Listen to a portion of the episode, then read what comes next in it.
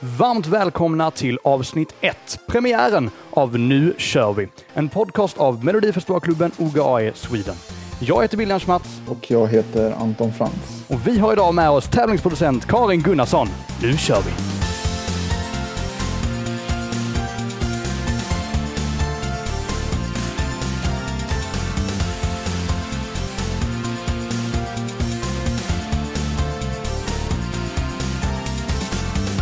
Ja, det är alltså premiär, avsnitt 1 av Nu kör vi och vi sitter här med tävlingsproducent Karin Gunnarsson. Hej Karin!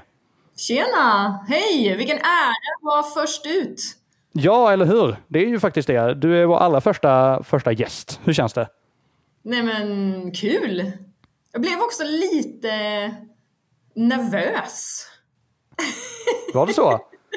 Nej, lite nervös. Det är bara, men det är verkligen så himla roligt att få prata om årets säsong. Och då, då blir det liksom så här, man bygger upp någon förväntan. Alltså det ska bli så kul att åka iväg ut på turné och att liksom den här Ja, det är, jag brukar säga att mello nästan är som en graviditet. Så de här, alla olika faser har sin funktion, men nu har vi liksom nått den här sista där det bara är så här, nu måste vi ut med det här. Men vad, hur, på en skala från 1 till 10 då, hur pass taggad är du inför 2024?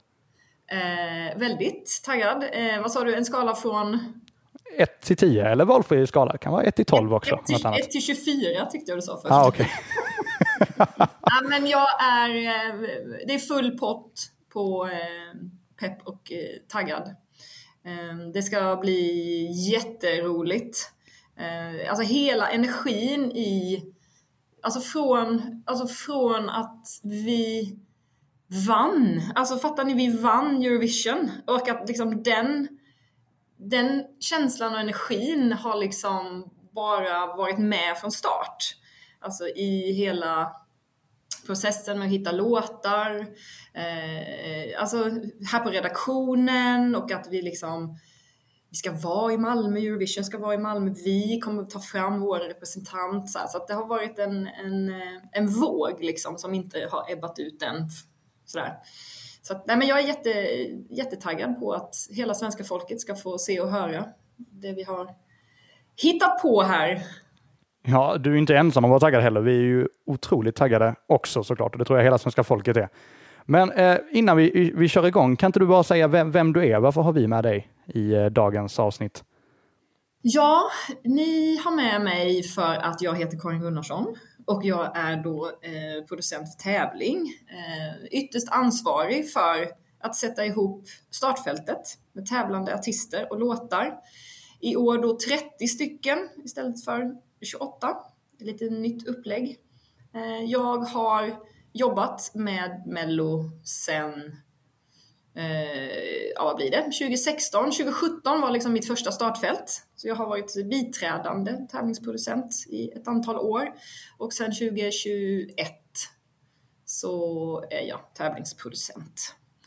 Så det, jag börjar, ja men jag har några år på nacken här nu. Ja, precis. Vi ska faktiskt prata om alla de, de grejerna lite senare i avsnittet. Men jag tänkte, Anton, kan inte du börja med den här eh, gyllene frågan som är så rolig? Ja, men jag tänker så här innan vi börjar fokusera framåt nu på årets Melodifestival så skulle vi vilja att du eh, tänker ut ett år mellan 1956 fram till, till 2024 då som betyder extra mycket för dig i Melodifestival eller Eurovision-sammanhang. Wow, vilken bra fråga. Um... Nej men alltså, ja. Nu ska vi se här. Eh, alltså jag är ju från Vetlanda. Eh, Lena Philipsson är ju ändå en queen i mitt liv. Och hon var ju med första gången 86. Nu tittar jag på er. Jag inte säger fel här nu, nu blir jag alldeles nervös. tänk, om jag säger, tänk om jag slirar på årtalen här, då kommer jag bli kölhalad. Nej men liksom när Lena var med, det var så himla stort. Eh, för då var jag ju liksom bara tio år typ och hon var ju en sån stjärna i Vetlanda och att mm, liksom, någon kunde stå på den här scenen, bara Melodifestivalen som man bara hade tittat på eh, hemma i soffan. Och det, alltså det var otroligt stort. Eh, sen så Alltså, ja men Loreen vann med Euphoria såklart. Eh, det går ju liksom inte att ducka för. Det, det var ju next level. Um, och sen såklart, jag menar 23. Att få jobba med Loreen igen och att få höra liksom Tattoo från demostadie och bara liksom börja fatta att nu sitter jag i den här på den här delen av soffan höll jag på att säga. Nej men nu är jag liksom bakom och får vara med om hela resan. Eh, otroligt eh, tacksam för det och jättemäktigt att få eh, tillsammans med hela teamet här på SVT såklart, liksom, men att få knipa den där segern en gång till. Eh, så ja, det blev, det blev tre år. det, det blev det alltså, alltså 1986, 2012 och 2023. Men om vi tar det från början då till eh, 1986 då med eh, Kärleken är evig då, du nämnde Lena Philipsson. Vad har du för relation till Lena Philipsson mer än att ni är från Vetlanda båda två? Nej, ingen, eh, ingen särskild relation. Alltså jag har ju fortsatt att vara ett stort fan av henne. hon var ju med som mellanakt 2021 men det var ju pandemiåret på eh, Annexet. Så då fick man ju knappt titta på varandra liksom. Allting var ju väldigt så avskärmat. Så att, um, jag tycker hon är en fantastisk artist och otrolig entertainer. Um, så att vi har, vi, det är inte som att vi är tjenis och hörs och går på middagar ihop eller har någon sån relation utan jag har bara respekt för henne. Jag tycker hon är fantastisk. Ja, och sen eh, 2012 då också med Loreen som även kom tillbaka då både 2017 men sen 2023 också och vann. Du, hur, hur var arbetet med att ta fram eh, Tattoo? Du sa att du var med bakom där och en del i den processen. Ja, mm, nej men det var ju som med många låtar så kan det ju vara turer fram och tillbaka och eh, vill artist vara med eller ja, alltså det, det är ju mycket, mycket saker som pågår. Men eh, det var ändå jag var ju inte med då och jobbade med Mello när Euphoria kom till. Eh, däremot var jag ju med under Statements-året. Eh, så jag måste säga att, att det här var ändå en ganska vad ska man, ja, vad är ordet jag letar efter? Alltså så här, det var en väldigt givande och tagande process. Låten kom till, eh, Loreen fick höra den och eh, hon, hade, hon ville också vara med och, och, och ge sig in i processen med och, och eh, skriva och så. Eh, jag tror att hon säkert hade kanske bestämt sig eh, vad hon, att hon ville liksom vara med men det tog lite tid att få fram det. Men det var ändå ingen besvärlig resa så.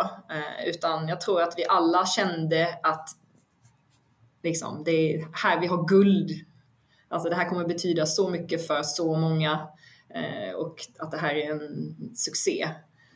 Eh, så väldigt, ja men väldigt, väldigt rolig process att vara med i. Kände ni redan tidigt, och du sa att det kändes som guld, kände ni redan tidigt att det kunde eh, bli möjlighet till en vinst i Melodifestivalen men sen också vinst i Eurovision redan i det stadiet?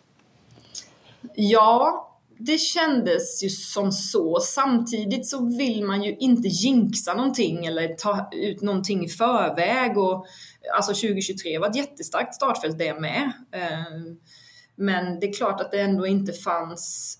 Loreen hade ju ändå vissa parametrar som hon var unik i. Liksom just att hon har vunnit alltihopa en gång tidigare. Det var ingen annan artist som hade det i startfältet. Man, man vet vilken impact Euphoria hade på eh, hela Eurovision, alltså, eller hela musikvärlden. Så här. Men som sagt, skulle det här leva upp till förväntningarna? Så att, att man kunde liksom lite så på pappret, eh, eh, alltså förstår ni, liksom lite så strategiskt och bara ja det borde så här. men sen vet man vet ju aldrig hur det, det är det som också är tjusningen med Mello, bara, man vet aldrig vad som händer.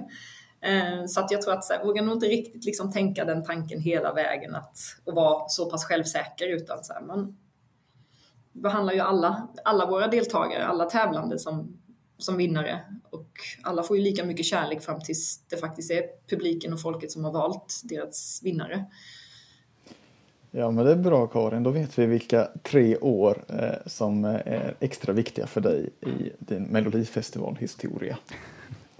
Och jag tänker vi kan ju faktiskt eh, förflytta oss fram eh, till 2024 nu då. Vad, eh, det är ju ett lite speciellt år. Vi har ju två bidrag till till exempel. Istället för 28 så har vi 30 bidrag mm. och fem deltävlingar. Vad, vad kan vi lite allmänt förvänta oss av Melodifestivalen 2024 rent tävlings och bidragsmässigt? Mm, ja, men det här nya upplägget då, fem deltävlingar, sex bidrag i varje. Eh, deltävling fem har ju då en förlängning eh, där treorna och fyrorna möts. Eh, så det ska ju bli tolv finalister som vanligt. Eh, jag hoppas på, på spänning och på engagemang, eh, på fantastiska framträdanden och nummer. Eh, energin hos artisterna är väldigt mycket um, in it to win it. och det är ju vår ambition på redaktionen också. Alltså så här, nu ska vi ju vinna två på raken. Så är det ju liksom. Så jag tror... Är, är det så ni tänker? Ja. Det är det? Vad spännande. Ja. Mm. Det, det är verkligen liksom uttalat att så här, så att inte, det här är inte liksom ett år där vi lägger armarna i kors och lutar oss tillbaka och bara det här ska bli en fantastisk melodifestival med en otroligt stark vinnare som ska konkurrera om en vinst i Eurovision också. Det, det är så det är. Eh, nej, men jag tror att eftersom inte det finns en semifinal på samma sätt som det har funnits så tror jag kanske att en del artister går liksom lite mer all in i sin deltävling. Eh, för det blir ingen, ingen andra vända utan det är allt sker i deltävling eh, och sen i finalen liksom. Så att jag tror att man har skruvat till och uppat lite på kreativiteten när det kommer till hur numren ser ut. Um, omspelen kommer tillbaka, för nu har vi ju ett uh, bidrag mindre och lite tid att fylla. Um, Tjoho! Ja, vad tänker ni om det? Det låter det, fantastiskt. Ja, definitivt. Det, ja, det tycker vi om. Ja.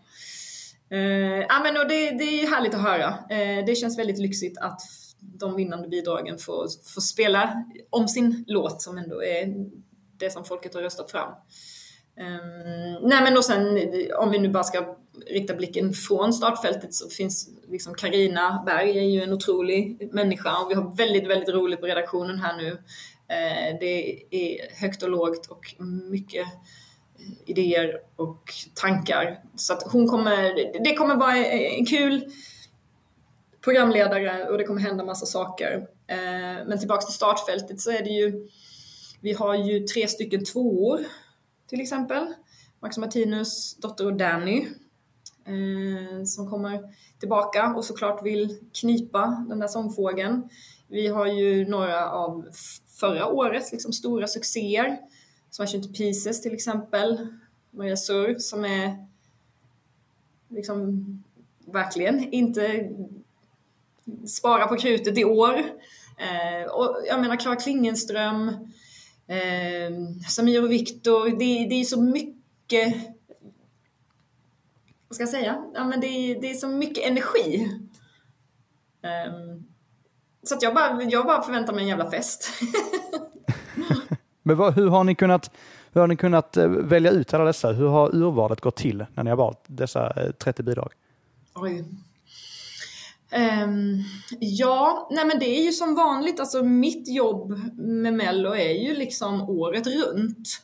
Um, så jag, jag har ju jättemycket möten, jag lyssnar på jättemycket låtar, jag tar egna initiativ och höra av mig till folk. Liksom. Det gäller ju att piska upp det här engagemanget. Liksom.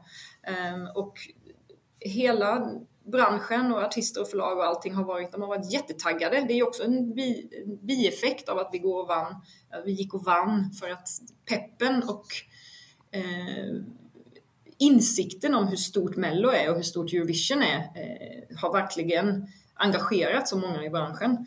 De vill vara med. Eh, så att inskicket stänger, 2624 låtar i år.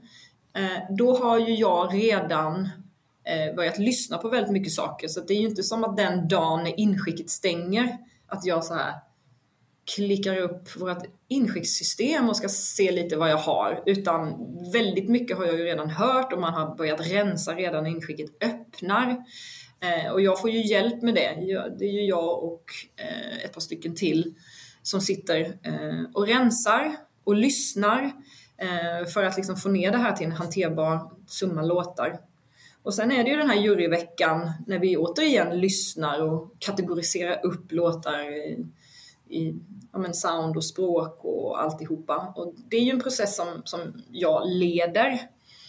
Eh, och då gäller det ju liksom att eh, hitta en, en bred grund som är stark och engagerande och hittig i alla olika genrer. Liksom. Um, och det är, ju, det är ju en diskussion och en process um, som tar dagar. Um, där det gäller att liksom ställa saker mot varandra. För det är då man också får referensramen. Är det här bättre? Eh, är det här starkare än det? Är det här mer relevant än det? Ja, och sen så då när jag går ut från juryn, då har jag ju halva startfältet, vilket var 15 låtar i år. Och då är det ju mitt eh, fortsatta arbete att liksom komplettera. Och jag har ju ett jättestort uppdrag. Alltså, jag ska skapa eh, musikunderhållning för hela familjen, för alla målgrupper. Eh, det ska finnas igenkänning, det ska finnas nya namn, det ska finnas olika genrer. Alltså det här är ju ett jätte, jättejobb.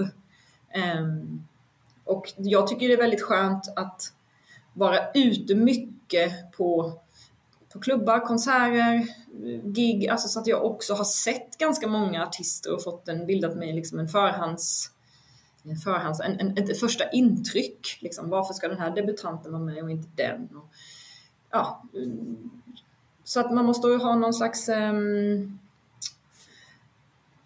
förankring i världen utanför Mello också, samtidigt som man vet att det ska bli bra TV. Så det, det Ja, jag vet inte hur jag kan beskriva det mer än så, men det är ett väldigt omfattande arbete och man ska liksom klicka i alla de här boxarna liksom för att det ska kunna bli ett så engagerande, hitstarkt, relevant, roligt, spännande, eh, men också så här ett startfält som, där det ska finnas utrymme för eh, alla känslor. Alltså så här, allting kan ju inte bara vara glitter och högt tempo och tjo utan det måste finnas det här nära, det intima, balladerna eh, och de här musikaliska, lite så what the fuck moments. En, en person som du kanske inte kände till som bara går genom rutan. Eh, så att det, det är många långa vändor och diskussioner eh, innan man så här, verkligen säger okej, okay, nu, nu kör vi. Men mot slutet så här, och mycket längs processen är ju, är ganska liksom ångestfylld. Det finns ju väldigt mycket bra som inte kommer med så att jag brukar säga det till folk som precis liksom snubbla på målsnöret. Att det handlar inte om att inte det här var bra nog. Det kan vara så att den här kvoten lite är fylld för i år och eftersom jag också, eller vi har det här med liksom att det ska vara hälften tjejer, hälften killar. Um, så kan det vara så här, men du är jätteintressant, det kommer fler år. Uh, släpp din musik, bygg din karriär, sök igen. Uh, då kanske den artisten har hamnat i ett annat, uh, vad ska man säga, har gått från att vara en helt okänd artist till att ha byggt på sin artistkarriär och kanske fått lite igenkänning eller någonting och då värderar man ju det kanske lite annorlunda. Ehm, så man måste ha liksom en omvärldskoll, ett öppet sinne, tänka på eh, publiken och hitta eh, rätt där artisten också känner sig väldigt, väldigt bekväm i att den här låten älskar de och den vill de göra på Mello. Liksom. Men, men har du, har, alltså, säger du till folk då som du måste säga nej till att släpp inte låten utan, eh, utan skicka in den nästa år istället? Eller har det varit något år som ni har tagit med något bidrag som, som blev eh, ja, bortsållat året innan och sen fick det komma med året efter? Ja, ja men det har hänt eh, Eh, flera gånger. Men återigen, det är ju i dialog eftersom jag inte kan, jag kan inte lova någon någon plats om ett år liksom. Så det där måste man ju liksom prata om så att ibland kan ju låten vara så pass stark och viljan hos artist så pass stark och vilja att vara med i Mello så de säger ah, men vi, vi testar nästa år igen och bara ja men absolut gör det men i vissa fall kanske det är så här men om du kan skriva en sån här bra låt så kommer du kunna skriva fler så släpps. Så det är lite, det är lite så här från, från fall till fall. Um, men absolut har det hänt att, att folk har skickat in uh, samma låt uh, flera år och sen helt plötsligt så är det momentum, kanske en, en uh, en genre har liksom blommat upp och helt plötsligt är den här låten liksom kanske lite mer relevant eller artisten har sett sina sammanhang. Man helt plötsligt känner att nu är du mycket mer igenkänd, så här, nu känns det mer relevant i år. Eh, så det där får man ju hela tiden ha liksom lite omvärldskoll med. Men eh, jag kan aldrig liksom säga till någon liksom så här, släpp den inte. Men jag kan väl vara lite så här, det vore kul om vi testade nästa år igen. Men alltid hela tiden med en disclaimer, men jag kan inte lova någonting, jag kan inte lova någonting. Men eh, är det svårt att få ihop en bra mix eh, av låtarna nu när det är bara sex i varje deltävling? Eh, Nej, alltså det var ju en liten utmaning ändå. Eh, det måste jag ju säga, men det är ju också för att jag själv då är liksom stöpt i en form med fyra deltävlingar, sju i varje. Eh, och att så här, aha, vad, vad, hur ska jag tänka nu? Det är liksom en hel deltävling till. Det är bara två ytterligare bidrag, men det är liksom en deltävling till. Um, så det tänkte jag ju väldigt mycket på i våras, liksom, att jag måste ha med mig det hela tiden in i, i juryn också, så här, att man måste tänka på bredden redan där. Um, och så att jag, jag, jag, tycker att det blev väldigt bra och det finns, ehm, det är väldigt dynamiskt men absolut så kanske eh, det ibland fick, vad ska jag säga, nej men att ibland kände jag så här bara, fan nu skulle jag haft en sjunde. men eh, på det stora hela så tycker jag att det att få till en bra mix funkade ändå väldigt bra. Men det var ju för, som sagt, att jag var hade med mig den inställningen redan från början. För du kan inte bara välja in massa likartade saker. Eller, för då sitter du liksom i då sitter du ju i skiten sen. Eh, och bara, Oj, jag behöver allt det här och nu får inte det plats. Alltså, det måste man ju hela tiden ha med sig. Och det kanske var eh, lite Eh, en anledning till att det, jag ska inte säga att det tog längre tid, men jag kände att jag måste vara försiktig och ödmjuk liksom inför så att jag inte tar några förhastade beslut.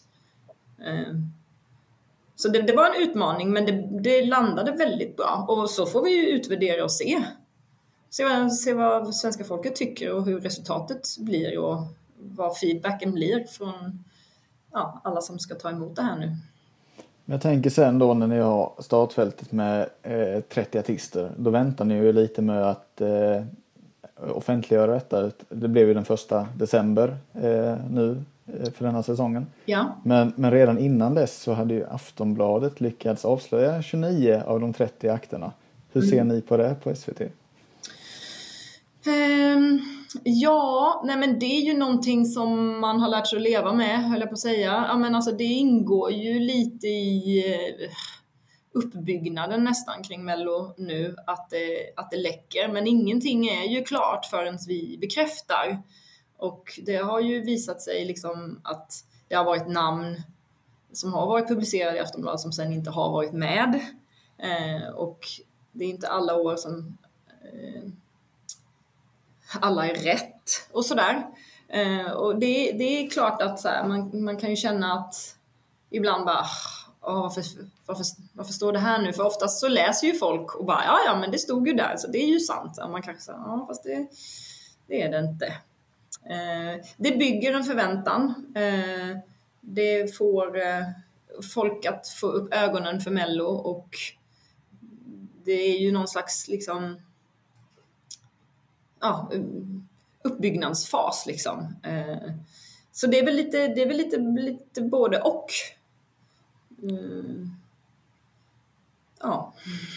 ja men du, om, vi, om vi går tillbaka till, till eh, startfältet i år då. Eh, du sa ju att ni, ni tänker på SVT att ni vill definitivt vinna Eurovision igen.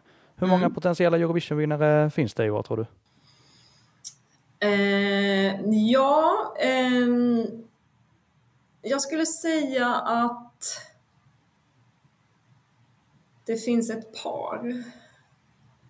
Um, alltså så här, för ett, ett par som är ett par låtar eller ett par som är ett par som deltar? Nej men, eh, nu ska jag vara så här politiskt korrekt nu. Nej men alltså, ja, det finns absolut mer än en som kan ta alltihopa. Men det där är ju också eh, så klurigt innan de andra ländernas bidrag är klara. Alltså så här. Eh, då får man ju en helt annan, ett annat perspektiv på vad som kanske skulle kunna funka. Men jag tycker att det finns ett par stycken som har de där parametrarna för att ta hem alltihopa. Eh, liksom ett eget starkt eh, uttryck eh, med liksom sån otrolig liksom, artistisk närvaro och eh, potential och nå brett, nå brett, slå brett, eh, som har internationell eh, vibe över sig. Men det var ju också ett, ett tag sedan det var en låt som var på svenska som vann. Eh, senast det var, var ju 2006 med Carolas eh, evighet och den var ju sist ut i eh, sista deltävlingen. Och sedan dess har ingen mm. låt varit på svenska sist ut i sista deltävlingen. Men nu är det ju dags igen för dig. Är det, Skräll! Kommer det bli då att eh, Medina vinner? Just på grund av den placeringen? Jaha, ja, nej jag tror ju att det, ja det, det, det återstår ju att se men eh, eh, varje position i startfältet Alltså så här, du har chans att vinna från varje position i startfältet. Alltså så här, vi har haft folk som har gått liksom ja, nu kommer jag inte ihåg vad Cornelia var, hon femma i ettan och Tusse var sist i trean. Och, ja men liksom så här, så att det handlar ju om också att göra ett dynamiskt program som möjligt. Varje vecka ska ju innehålla så många parametrar och det är ju en musikalisk dokusåpa liksom. Så att, ja men som ett år i, som ett år, i år då, vi har fem deltävlingar. Förra året var Loreen sist ut i sista, så här, vad gör man i år? Också för att så här, inte vara förutsägbar eller att inte, att, att liksom komma med någonting nytt och spännande. Jaha, varför, varför har det blivit så här och varför den låten där? Men alltså Medina är ju, är ju liksom full on fest liksom. Så varför inte gå ut med en, med en sån härlig känsla. Eh, sen så får vi se sen, så blir det ju en final så det är ju inte liksom och man vet inte ens om de tar sig dit än. Eh, så man vet ju inte hur finalstartfältet blir. Men eh, det är tio stycken låtar på svenska med i år. Eh, och just den sägningen, så är det dags i år för en låt på svenska att vinna, den har man ju hört. Jag tycker jag, tycker jag har fått den till mig liksom mer, mer gånger de två senaste åren kanske. Eh, men det var ju också ett år i Eurovision hade ju de inhemska språken en sån otrolig framgång. Det var ju nästan så topp fem. Ja, men när Måneskin vann så var det ju väldigt starkt eh, startfält där med, eh, eller just toppen sjöng ju på sitt egna språk. Så då, ja, vad betyder det? Ja, jag vet inte, vi får väl se. Ja, det är spännande att se vilka, vilka trender det är som, eh, som vi får se i både Årets Melodifestival och i Eurovision såklart. Men eh, jag tänker, det är inte bara, det är inte bara bidragen och artisterna som står på scen, utan det är även eh, programledaren har en jättestor roll mm. såklart. Superhärligt med Karina Berg mm. som ska stå och eh, leda festen. Hur kommer det sig att ni, eh, att ni valde Karina? Um, Ja, det kan jag bara prata lite grann om sådär, men, men varje, varje år när vi liksom har gått i mål med en säsong så är vi ju väldigt snabbt på att börja arbetet med kommande program och då utvärderar vi ju lite så här okej, okay, vad, hur lät det? Eh, vad lyckades vi med rent eh, låtmässigt och bidragsmässigt men också då programledarna. Hur, vad, vad hade vi för, för ton? Vad hade vi för känsla? Vad var det för eh, personligheter?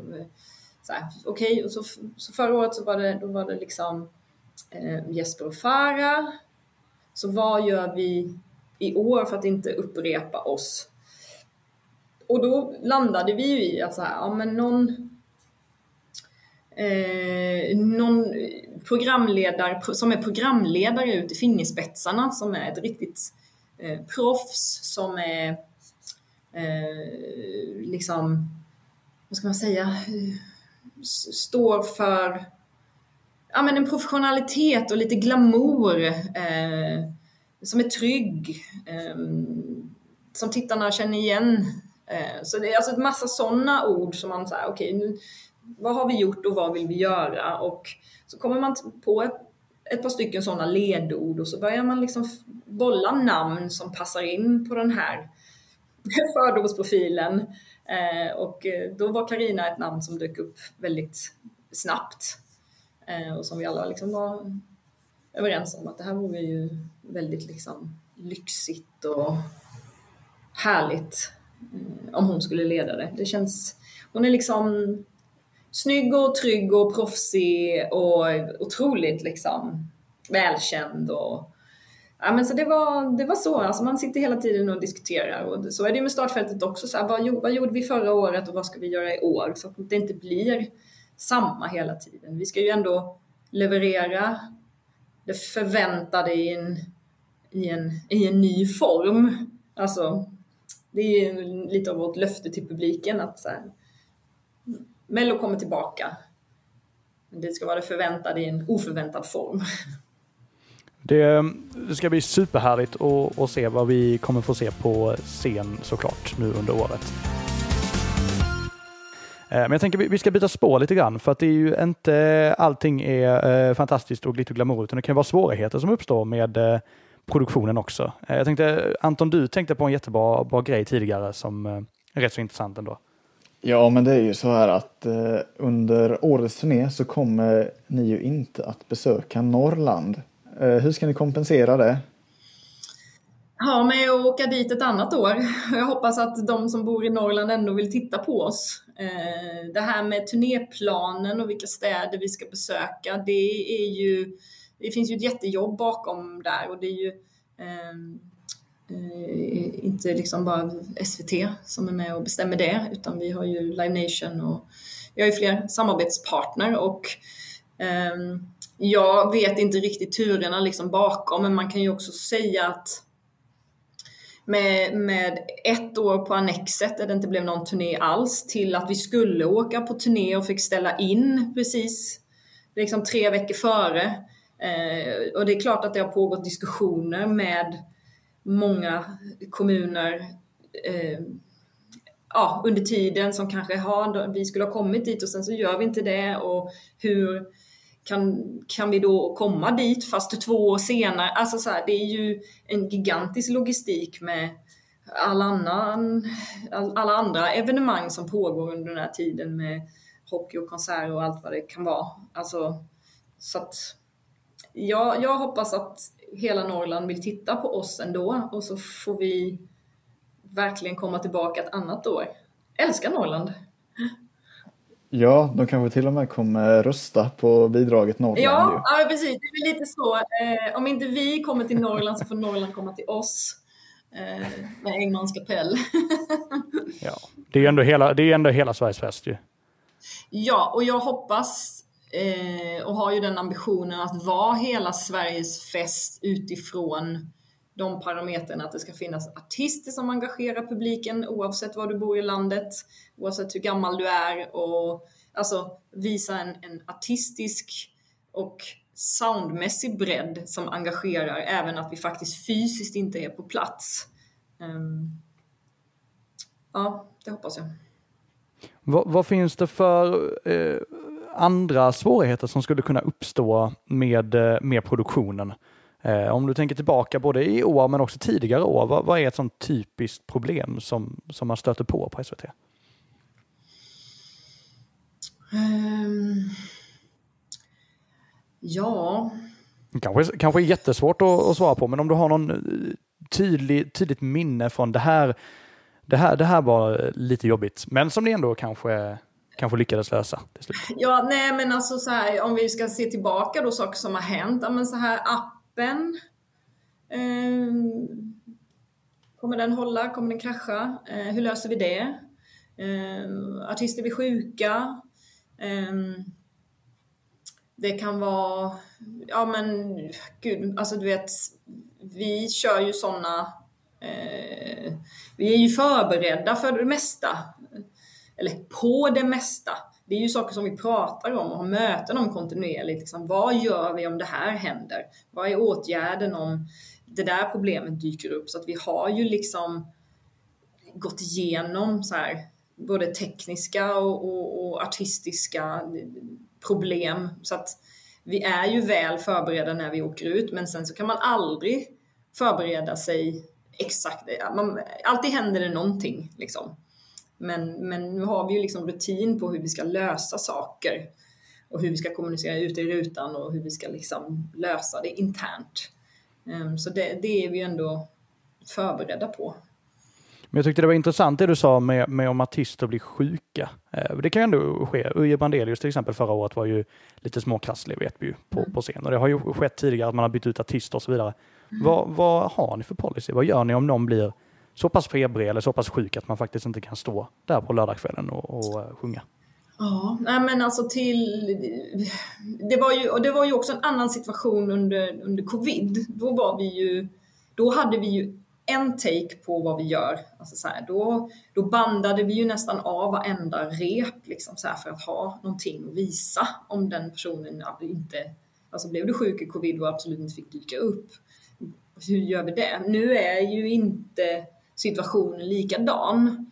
Eh, så ambitionen är ju att alltså rätt artist ska stå där på lördag kväll för det är ett, en tävling i direktsänd musikunderhållning. Um, så jag tänker, inte liksom, jag tänker inte gå in på detaljer så, men det är klart att vi har hela tiden reservplaner. Uh, när också, när under veckan händer vad? Eh, vad är det för typ av åkomma? Hur löser, alltså så här, vi vill ju som sagt lösa att rätt artist står där på lördag kväll. Um, men um, men det, det, det, det, finns, det finns backup-planer. ja, det känns bra att veta att, eh, att det alltid löser sig i alla fall. På något sätt. Men du har ju arbetat eh, med Melodifestivalen sedan 2017. Det är snart hela sju säsonger. Eh, ska du också stanna i 20 år som din företrädare Christer Björkman gjorde? Oj, oj, oj. Eh, ja. Ja, jag vet inte riktigt vad jag skulle hitta på annars.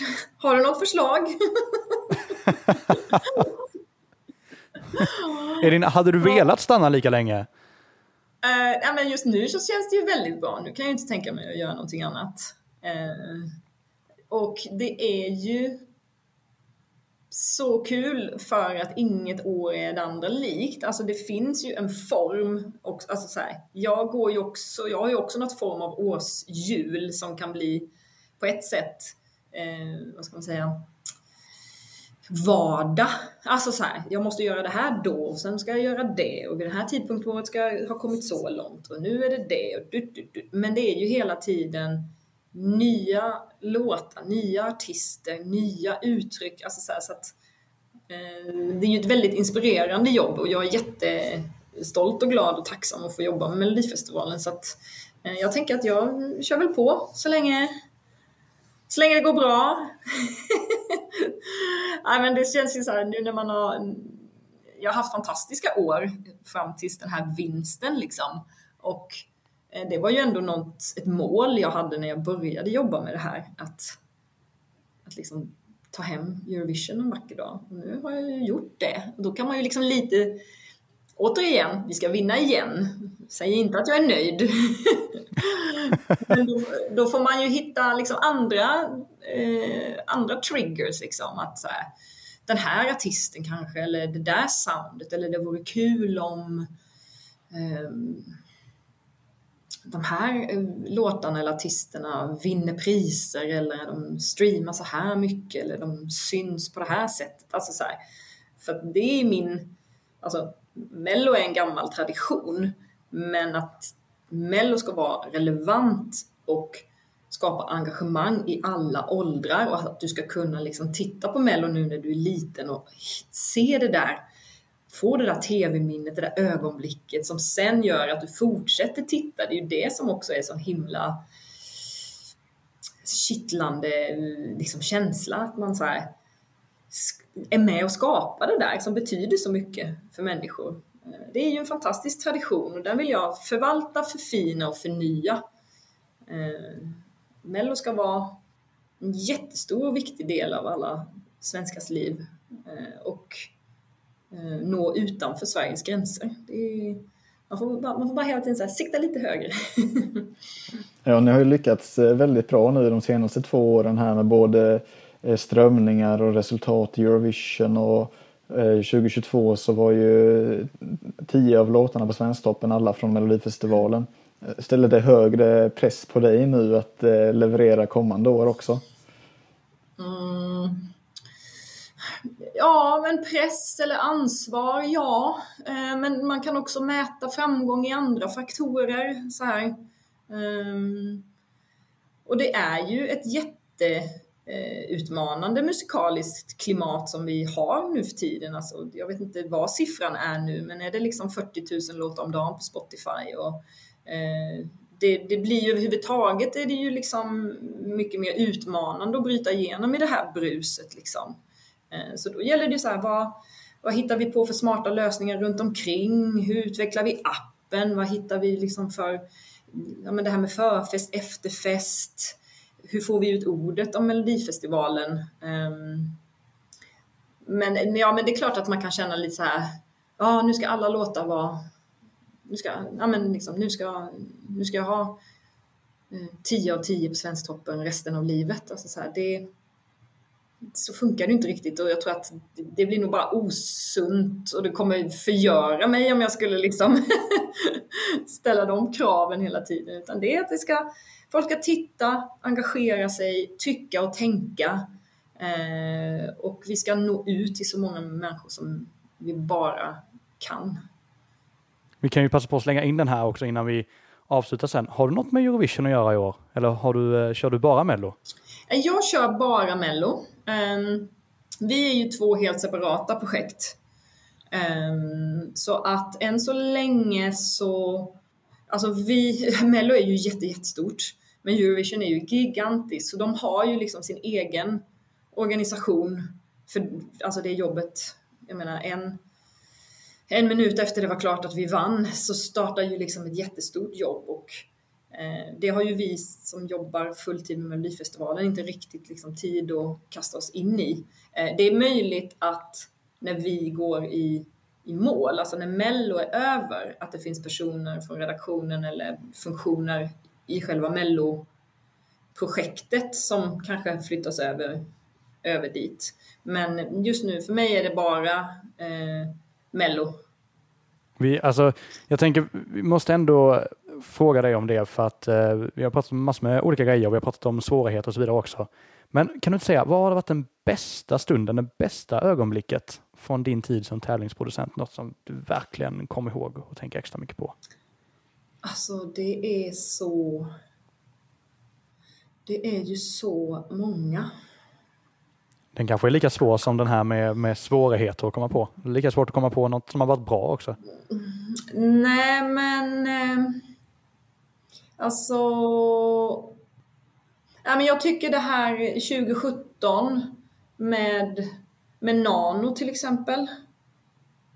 Um, som var eh, liksom en artist som kanske inte hade, var särskilt välkänd. eh, som också Eh, hade en låt som kanske fördomsfullt då på den tiden bara så ah, men är det här mello? Jag tycker ju att det finns ingen, det finns inga, alltså, det finns inga mellolåtar. Jo, de ska vara max tre minuter, men annars så ska det liksom Annars så är det musik. Men att den framgången liksom med honom och det, det genomslaget han fick, det är ju otroligt coolt när det händer. Alltså det engagemanget och den framgången han fick. Bishara, otrolig röst, fantastisk närvaro. Att han, att han liksom gick från att knappt liksom sjungit i en mick och tog hela svenska folket med storm. Så här. Otroligt. Men sen är det ju väldigt många, nu, nu säger jag ju sådana liksom mm, framgångs, alltså som har stått i final och som har liksom kommit eh, topp tre. Sen finns det ju en mängd artister som jag tycker är fantastiska som har liksom gått av scenen och är liksom, de har aldrig stått på en sån stor scen, de har aldrig mött en så här stor publik, de kanske, ens, de kanske aldrig ens har haft in-ear och har liksom gjort sitt livs framträdande. Eh, som bara är så lyckliga och glada och har med sig ett sånt minne för livet. Eh, så det är ju, det är ju också de här eh, mindre framgångssagorna också. Jag försöker hitta någon särskild sån som har gjort sån impact. Ehm, um, jag inte riktigt kommer på nu men jag tycker så Samira Manners tycker jag var fantastisk som var med för några år sedan. Uh, uh, ja. ja men, uh, både det här att, att, att artister som inte är så himla välkända kan kliva upp på scenen och bara gå så genom rutan, liksom Lex Cornelia, eh, till att Eh, en artist som Loreen kan leverera på alla, alla förväntningar på alla plan. Ehm, en Klara Klingenström som bara står rakt upp och ner med en gitarr och sjunger Behöver inte dig idag. Alltså med en, en lampa och inte särskilt mycket mer kan nå igenom. Det, det är otroligt. Men som sagt, det finns också väldigt många fina som jag inte kan komma på nu för att nu står det still. Men just de här artisterna som ändå gör sitt livs framträdande och eh, får så mycket kärlek efter de har lämnat programmet. Det är en tävling, någon ska vinna. Men bara för att du har åkt ut och lämnat formatet betyder det inte att du har förlorat. Alltså verkligen inte. Du har vunnit så mycket. Och när de har fått göra precis den låten de vill, i de kläderna de vill, fått ett fantastiskt framträdande och ha en det är liksom de människorna man möter, eller de artisterna som man möter som ändå liksom har liksom åkt ut men är så stolta och glada, det är ju alltså, magi. Vilka många fina minnen du tar upp. Man blir lite rörd här nu och tänker tillbaka på gamla minnen. Hoppas att det kommer, fler, kommer säkert fler sådana tillfällen längre fram också. Du, eh, tiden går faktiskt eh, fort när man har roligt. Eh, vi har hållit på här nu i snart 50 minuter så vi ska börja avrunda lite grann. Är det någonting som du vill ta upp som du inte fått sagt? Som du tänker att det här, det här vill jag säga också? Mm. Um, nej men som sagt, jag känner ju att um, Nej men att det bara ska bli så himla spännande och roligt att åka ut igen. Uh, och att suget efter Mello från publiken liksom från hela svenska folket är så pass stor. Ehm, det är, ja, jag vet inte, det känns också som jag sagt alltihopa. annars, så, eh, annars så träffas vi säkert fler gånger och då får du ta och säga det i så fall. Ja. Men eh, jag sitter, det är dags för oss. Sitter, jag sitter och tittar på ja. startfältet. Det är därför jag sitter...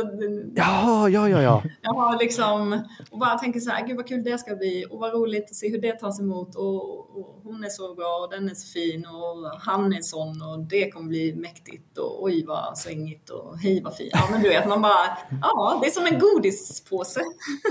för, er, för er som lyssnar då, Karin berättade för oss innan vi började spela in att hon sitter alltså i samma rum som hon eh, bestämde startfältet i. Så hon har väl, ja, du har väl någon form av tavla framför dig kanske med ja. alla namn och så? Sådana analoga post-it-lappar med prickar och streck och ladd på. Ja, men det är härligt. Ja, det är som sagt dags för oss att avrunda, men vi tackar så jättemycket för att ni har lyssnat på dagens avsnitt och stort tack till dig Karin för att du ville medverka i premiäravsnittet. Tack för att jag fick vara med. Det var jättekul. Ja, vad kul att du tyckte det. Och eh, om ni vill höra mer av Nu kör vi så är vi tillbaka redan om några dagar och då träffar vi Anders Wistbacka faktiskt som är projektledare för Melodifestivalen. Så missa inte det. Ni hittar uppdateringar om podden och om Melodifestivalklubben i alla våra sociala kanaler. Instagram, Facebook, TikTok och så vidare. Så hörs vi där. Så önskar jag en bra dag så länge så eh, ses vi i nästa avsnitt.